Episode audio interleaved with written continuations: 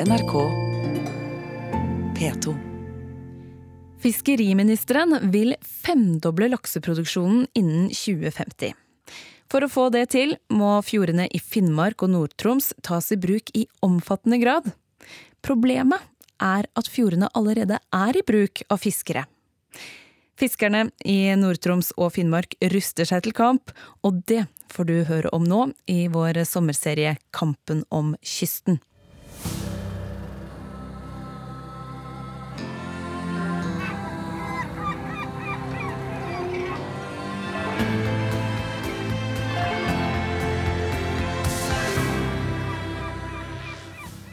Jeg tror ikke oppdrettsnæringa har noen tillit.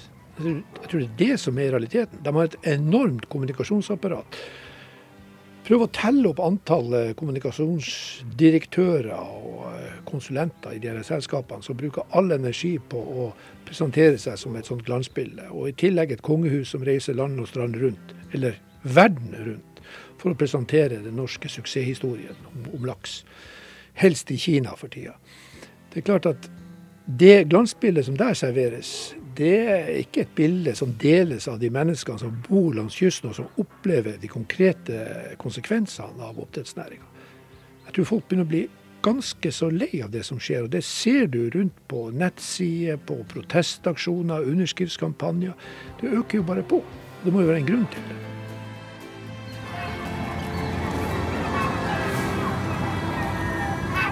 Det er professor Ivar Bjørklund fra Universitetet i Tromsø som ser en laksenæring i stigende konflikt med sine omgivelser. En meningsmåling i avisa Nordlys støtter det han sier. Befolkninga i nord har lav tiltro til laksenæringa og oppfatter den ikke som miljøvennlig. Og nå står en ny stor konflikt for døra. Laksenæringas ønske om å få hand om fjordene i Finnmark. Og det er jo ekspansjon i det her nå som blir problematisk. fordi at nå er det jo mer eller mindre fylt opp på Vestlandet og i Midt-Norge. Og eh, hele klimaskiftet gjør jo at eh, det blir varmere i vannet, og mulighetene for å drive oppdrett øker dess lenger nord du kommer. Før så tenkte jo alle at det var umulig å drive med oppdrett av laks i Finnmark. Det var jo en vedtatt sannhet. Men nå viser det seg at det er jo ikke bare mulig, men det er svært gunstig å gjøre det. Så nå er oppdrettsnæringa på full fart inn i fjordene i Nord-Troms og i Finnmark. Problemet de møter er jo selvfølgelig annerledes enn hva de har møtt lenger sør, for de her fjordene er jo allerede i bruk. Her er det jo folk som driver fiske. Og det er vel kanskje noen utfordringer som oppdrettsnæringa ikke har vært vant med å møte. En hard maktkamp er allerede i gang i nord mellom fjordfiske og lakseoppdrett. I Kvænangen ble det storkonflikt da Jon Fredriksens oppdrettsgigant Marine Harvest fikk dispensasjon fra kommunen til å sette ut nye merder i et gytefelt for kysttorsken. Fjordfiskerparet Trond Isaksen og Sigrid Iversen gikk ut i davidskamp mot Goliat. Det er jo litt lettere å bestemme over folk når du ikke bor på et sted. Hvis du bor 3000 km unna, så er det jo ganske enkelt å si at Trond og Sigrid de trenger ikke å fiske der. Vi kan kanskje betale en liten erstatning til dem for å bli kvitt dem. At det betyr ingenting for deg, for du ser dem aldri. At du kan, eh, det er enkelt å gjøre upopulære avgjørelser når det ikke er naboen din, for å si det rett ut. Er det naboen din og du gjør en upopulær eh, avgjørelse, så får du høre det jevnt og trutt. Men det gjør du kanskje ikke hvis naboen bor 3000 km unna og han aldri kommer på besøk. Forstår jeg det rett hvis du føler deg svikta? Ja, det gjør du. Man har jo bodd her og skapa sin egen arbeidsplass. Så man føler seg kraftig overkjørt. Sigrid, følte du også det svikta av, eh, av, kommunen når det vedtaket om eh, lakseoppdrett kom? Ja, det kan man trygt si at man gjorde. Og litt av eh, saken òg var jo det at ja, det var liksom så få fiskere igjen i fjorden. At det var liksom ikke noe å, å bry seg med når de for noe kava rundt her i støa. Men hvorfor er det så få fiskere igjen? De kan jo kanskje se litt tilbake, for før de begynte å sette ut alle de her oppdrettsanleggene sine, hvor mange fiskere var det da? Kan, kan, det kanskje ha en sammenheng? Det er, litt, det er liksom, Når du først har utradert nesten alle sammen, så kan du liksom bare ta det siste som er igjen, for da, da er de jo så få. Poenget er vel det at de, de ser gjerne at man sentraliserer, så de slipper å bruke penger på skole og på transport her. og opprettholde veier og tilbud ute i distriktet. Ordfører Eirik Losnegård Mevik i Kvænangen sier at han sto i en valgsituasjon og valgte lakseoppdrett fremfor fjordfiske, fordi han mener det gir flere arbeidsplasser. Ja, altså eh, politikk er jo uh, i alle tilfeller prioriteringer. Uh, og så også i dette tilfellet. Det at uh, Marine Harvest ville legge anlegget til et rikt fiske- og, og gytefelt, hva telte det for, for, for, dere i denne avgjørelsen? Som alt annet så var det jo en samla vurdering som, som, som, gjorde at man kom frem til, til avgjørelsen fiskeri er absolutt et område vi kan eh, satse på og, og, vil satse på. Eh, men det samme gjelder også for, for, for havbruk. Eh, og de prioriteringene vi gjorde da, var at, at vi eh, mente at dette var en riktig lokalitet å gi. Og så skjønner jeg at, at da er det som jeg sier, da, altså det er prioritering av arealer. og Da er det noen, noen, som får et areal, og noen som ikke kan benytte seg av et areal. Og da eh, skjønner jeg at det oppleves som urettferdig. Kommunikasjonssjef Ola Helge Jetland sier at Marin Harvest ønska det beste området i fjorden. Vi så at det var to anlegg eh, i Kvænangen som for oss ikke var ideelt plassert. Så da ville vi legge ned to anlegg og erstatte det med ett nytt. Og søkte om å få lov til å eh, plassere det der. Og det fikk vi da lov av kommunen til å gjøre, og så ble det da overstyrt av eh, fylkesmannen til slutt. Um, Men hvorfor, hvorfor, søkte dere? Altså Bare et halvt år i forveien så forelå det jo en kystsoneplan som sa at der skulle det ikke eh, etableres noe oppdrett. Vi så på Spildra som den beste muligheten og den beste plasseringa av et oppdrettsanlegg. Til tross for at kystsoneplanen et halvt år i forveien hadde sagt det motsatte? Ja. Og nå er det sånn at vi eh, over en lengre periode prøvde å ha en dialog med fiskerne i området, og spurte de opptil flere ganger om hvor de syntes vi skulle legge et nytt anlegg når vi skulle fjerne to. Eh, og dessverre så var det svært vanskelig å, å få til en konstruktiv dialog der. Ivar Bjørklund, du eh, engasjerte deg jo veldig i eh, denne striden om eh, konsesjonen for Marine Harvest på, på, på Spillra øst. Og hvorfor gjorde du det? Nei, fordi det var jo så himmels urettferdig, det som skjedde. Altså, her har folk drevet og fiska i mange tusen år. Og så plutselig dukker Marine Harvest opp med et krav om å få ta i bruk et fiske- og gytefelt. Og det her får de full støtte fra formannskapet og kommunestyret. De syns det var en god idé. For meg så hang ikke det der på greip. Så akkurat det der er helt prinsipielle, grunnleggende, at du skal fordrive folket fra deres levevei til fordel for noe annet, som da i dette tilfellet handler om eh, en av verdens store oppdrettsselskaper det, det virka veldig, veldig rart. Og veldig galt. Fordi at det forelå allerede en kystsoneplan som hadde sagt klart ifra hvor oppdrettsnæringene kunne holde på, og hvor fiskeriene skulle holde på. Men det var ikke godt nok for Marin Harvest. De ville ha enda mer. Men eh, det var jo kommunen som eh, vedtok eh, dette her, altså lovlig valgte representanter. Og har da ikke kommunen et overordnet ansvar for å se hva slags næringsutvikling som er den totalt beste for kommunen? Jo da, den samme kommunen hadde også vedtatt kystsoneplan, som hadde satt noen klare skranker for hvor utviklinga skulle, skulle, skje. Og snakk om arbeidsplasser, det er jo det det hele koker ned til. Store løfter om arbeidsplasser. Og da eh, finner kommunestyret ut, dvs. Si, det nye kommunestyret, det har jo vært et valg i mellomtida. Da finner det nye kommunestyret ut at ja, her kan vi gi dispensasjon fra gjeldende kystsoneplan. Det var det kortet Marine Harvest satsa på, og eh, heldigvis da tapte, fordi at fylkesmannen satte foten ned og sa at det her går ikke an til slutt. Gytefeltet i Kvænangen fikk bestå, men den planlagte ekspansjonen i laksenæringa i nord vil i hver eneste fjord skje i konflikt med kysttorsken. Fiskerne mener at torsken skyr laksen. Trond Isaksen. Torsken har en fantastisk luktesans. Når du setter lina, så lukter en torsk han lukter en liten bitte agn på flere kilometers hold. Så når den runden er nådd, f.eks. Brynilden ute i Kvænangen, så merker den øyeblikkelig at der står det enorme mengder med laks. Det har han ikke lyst til å legge eggene sine i. Steinar Furøy på Sørøya i Finnmark er fisker på Breivikfjorden som kalles Lille Lofoten. Her er fisket ekstra eventyrlig. All torsken stanser her, også den som før gikk inn i Altafjorden. Det gjør den ikke lenger pga. all lakseoppdrett i fjorden. Du har et voldsomt torskeinnsig her. Breivikfjorden er jo en av de store gytefjordene. Eh, det har også vist seg at eh, det har i de siste seks årene samla seg opp en kolossal mengde fisk i bakkekanten her. Og jeg har en liten mistanke om at eh, mye av den forurensninga fra alle de her fjordene som er forpesta av laksebruk, i det pelagiske sjiktet så vil det nok drive ut en masse enheter som torsken, de store torskene ikke er særlig lykkelige når de møter den der odøren. Og ofte så stopper fisken når han møter dårlige, dårlige forhold. Og da er han i bakken her, og der står han og gyter. Akkurat som det er din erfaring at uh... Ja, det, det, vil jeg påstå. For at for 10-15 år siden så var det uhørt, var helt uhørt å ha 1000 kilo fisk per stamp. Da var 200 kg et eventyrlig godt fisk. Ja. Så, så, det er et eller annet som skjer.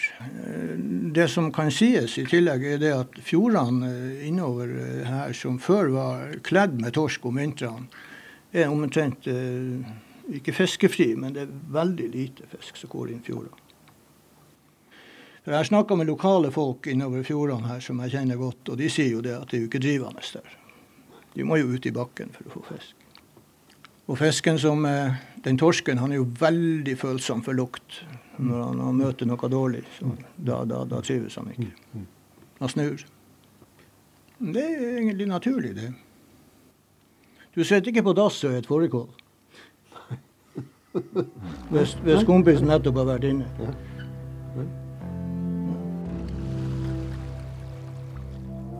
I fjor da vi gikk innover på slippen til Korsfjorden, som ligger inne i Alta, da var det havblikk sjø, og sola skein. Og når du gikk ut på dekk, så kunne du fornemme ei, ei, ei tranlukt. Altså, det lå ei sånn fettlinne oppå havet. Du så sola skein i det her. Og det var sånn gulgrått sånn uh, skit som lå og flaut. Og det kom jo ifra, ifra lakseproduksjonen innover fjorden. Og det ser vi med, med våre egne øyne. ikke sant? Er løsninga sterkere miljøkrav?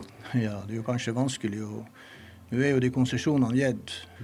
De er så sterke, kapitalsterke, de her. Eh, det er jo milliardærer stort sett som driver det her. vet du. Der pengene er, der er det stort sett eh, det er pengene som rår.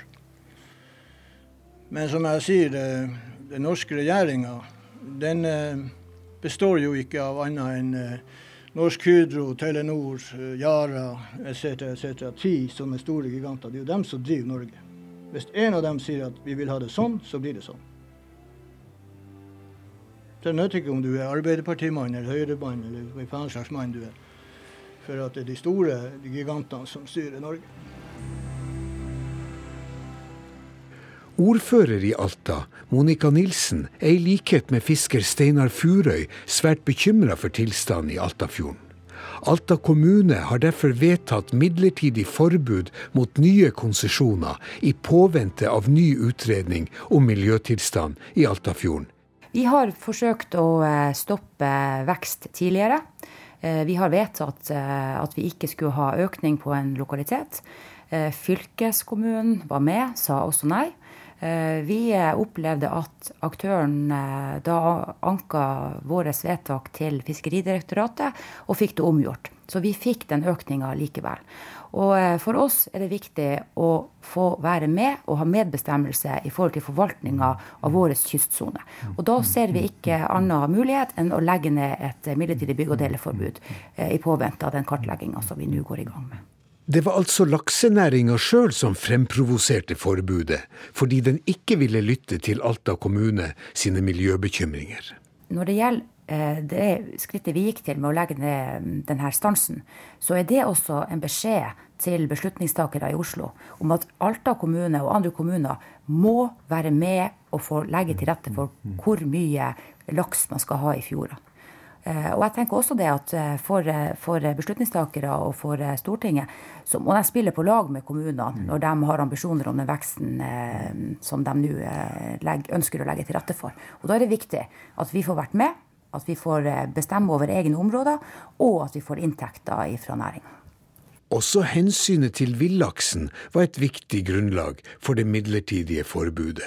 Rømningsproblematikken er alvorlig for Alta, som har Altaelva som sin største merkevare. Villaksen er kjempeviktig for oss. Det er en del av eh, vår identitet, det er en del av bolysta med å bo her. Og eh, jeg har forståelse for dem som er bekymra for eh, villaksen, og det tar vi på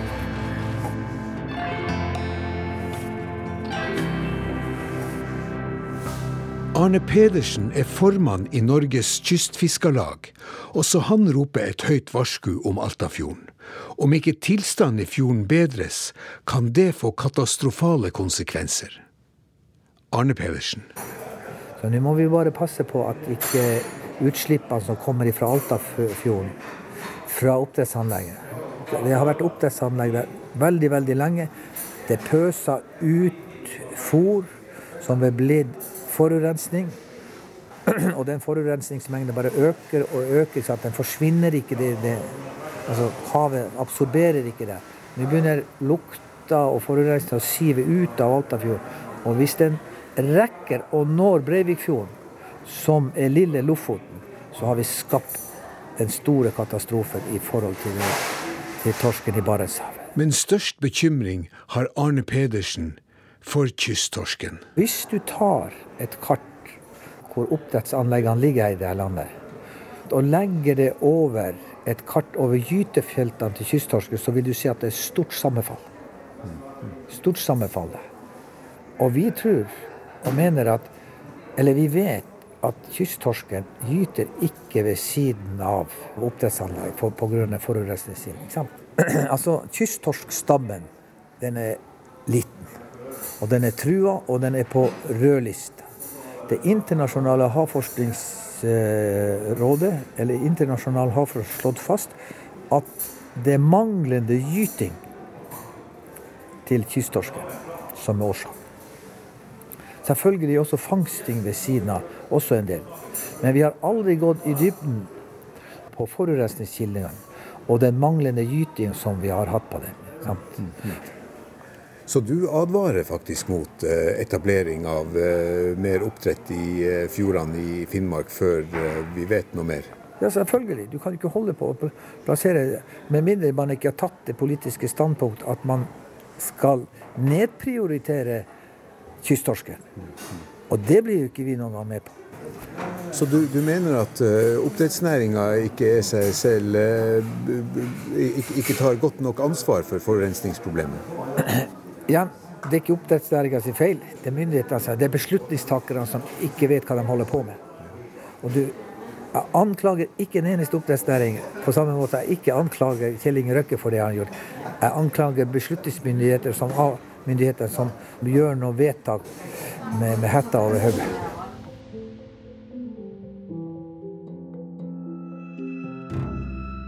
Nå i sommer har Naturvernforbundet og lokale fiskere i Ulsfjord og Lyngen i Troms aksjonert mot flere oppdrettsanlegg i fjordene.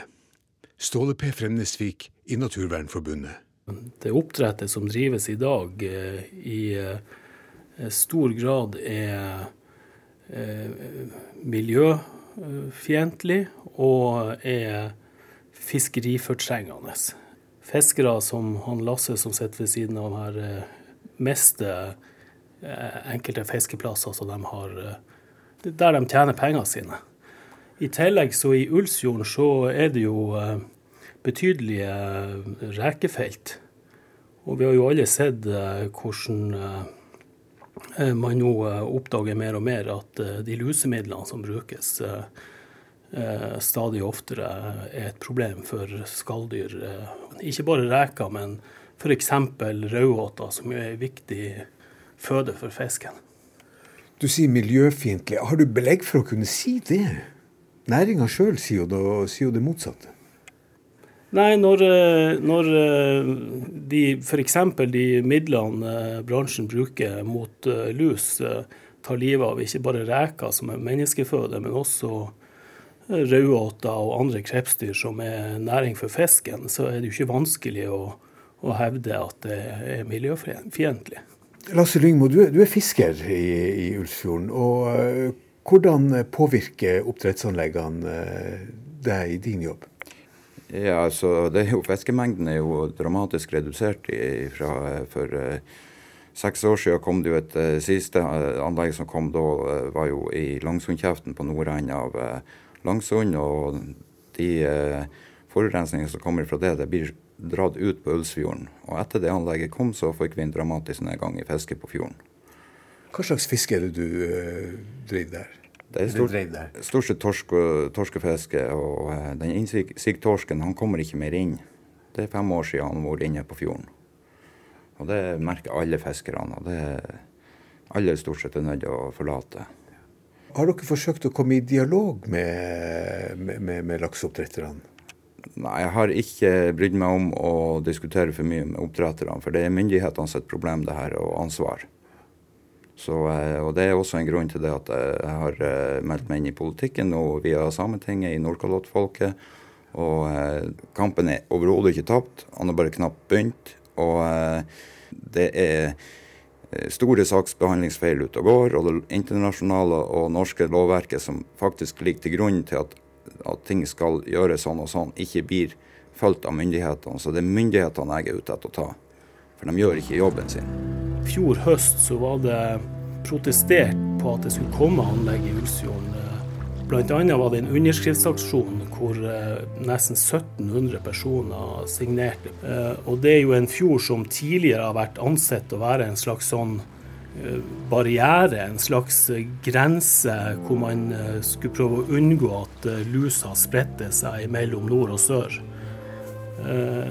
Det er bare forsvunnet i det store intet i det politiske bildet. Og, og i tillegg så var det jo de, det aller meste av fiskere i, på vestsida av Lyngen og i Karlsøy kommune Eh, signerte jo også på at de ville ikke ha noe oppdrett før fiskerne sine rettigheter var avklart. Også det ble bare fullstendig oversett av eh, fylkestinget i Troms. Det finner vi oss rett og slett ikke i. Tilbake på øya Spildra i Kvænangen mener også Ivar Bjørklund at politikerne har abdisert i konflikten mellom kyst- og fjordfiske og lakseoppdrett. De ser seg ikke politisk tjent med å engasjere seg. Skal vi få en grenseoppgang, vil den komme gjennom rettsapparatet, sier han. Det som eh, vil skje her, i hvert fall, det er jo før eller senere så blir det der, eh, blir jo juss ut av det. For Det er nå engang sånn at du kan ikke fortrenge ei næring på bekostning til fordel for en annen næring, uten videre. Og når det nå er sånn at folk har brukt de her fjordene i noen tusen år, så har du vel opparbeida det som heter sedvanerett og alderstidsbruk. Men dessverre så har det jo hittil ikke vært noen rettssaker rundt det der. Det hadde vært interessant å se hva som kunne ha skjedd i Kvænangen hvis de hadde fått denne dispensasjonen sin og satt i gang.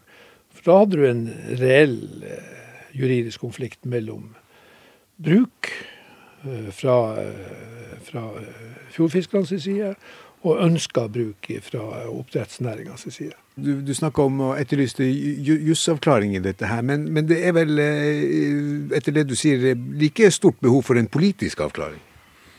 Jeg tror kanskje avklaringa kommer innenfor jussen. For politisk avklaring på det her det, Når så du sist et politisk parti stå opp og virkelig stille seg kritisk til oppdrettsnæringa? SV og De Grønne, ja, jo, sånn noenlunde. Men altså, det er ingen, ikke noe politisk flertall å hente i å begynne å gå oppdrettsnæringa nærmere i sømmene. Det er så mye kryssende interesser og så mye vested interests allerede at det, vil ta lang lang tid før Stortinget begynner å sette på noen sånne bremser. brems i det her. Jeg tror bremsen kommer gjennom rettsapparatet. Og da vil Stortinget måtte begynne å forholde seg til det. Så den dagen Høyesterett sier at uh, beklager, nok er nok, det her går ikke an. De her fjordene, eller den konkrete fjorden her, hvor det enn måtte være. Her drives det en eh, sedvanebasert næring som har eksistert i noen tusen år, og dere kan ikke fordrive dem. Så her må oppdrettsnæringa vike. Da har du fått knesatt noen eh, prinsipper som jeg tror eh, eh, også politikerne må begynne å forholde seg til. Dersom det er slik at det er en politisk konsensus i Norge om at laks er bra, vil da en politiker bli som en slags forhatt doktor Stokmann hos Ibsen, hvis han prøver å bryte den i enigheten? Jeg spør Ivar Bjørklund. Det spørs jo hvem du snakker til. Altså, i oppdrettskommunene så er ikke det her eh, gangbar tale. Og det er jo mange gode eksempler på oppdrettskommuner som gjør det stort. Altså Helgeland har jo mange sånne eksempler og Nord-Trøndelag. Altså kommuner som virkelig har fått det til. Der finnes ikke noe lokalt fiske lenger. De driver oppdrett, og de driver det tydeligvis på en relativt ansvarlig måte. Men det er jo først når du kommer opp i de her kommunene i eh, Nord-Troms og Finnmark at ting begynner å se annerledes ut. Og Når du da begynner å stille deg kritisk til oppdrettsnæringa, så rister jo folk på hodet og sier men herregud, det er jo plass nok og svære fjorden og arbeidsplasser, det her må vi jo prøve, og det går så bra, så. Det er jo egentlig dypt tragisk, fordi at mange av de kommunene har jo vært i hendene på nessekonger i hundrevis av år. ikke sant? Og eh, etter krigen så trodde man at det her var over. Da var de her gamle nessekongeregimene forbi, og nå skulle liksom folk være sin, sin egen herre. Men eh, nå er det gamle regimet på plass igjen. Men nå heter de ikke Jævel lenger, nå heter de eh, Fredriksen og Marine Harvest. Det er akkurat samme avhengigheter akkurat samme mangel på kontroll over sin egen hverdag.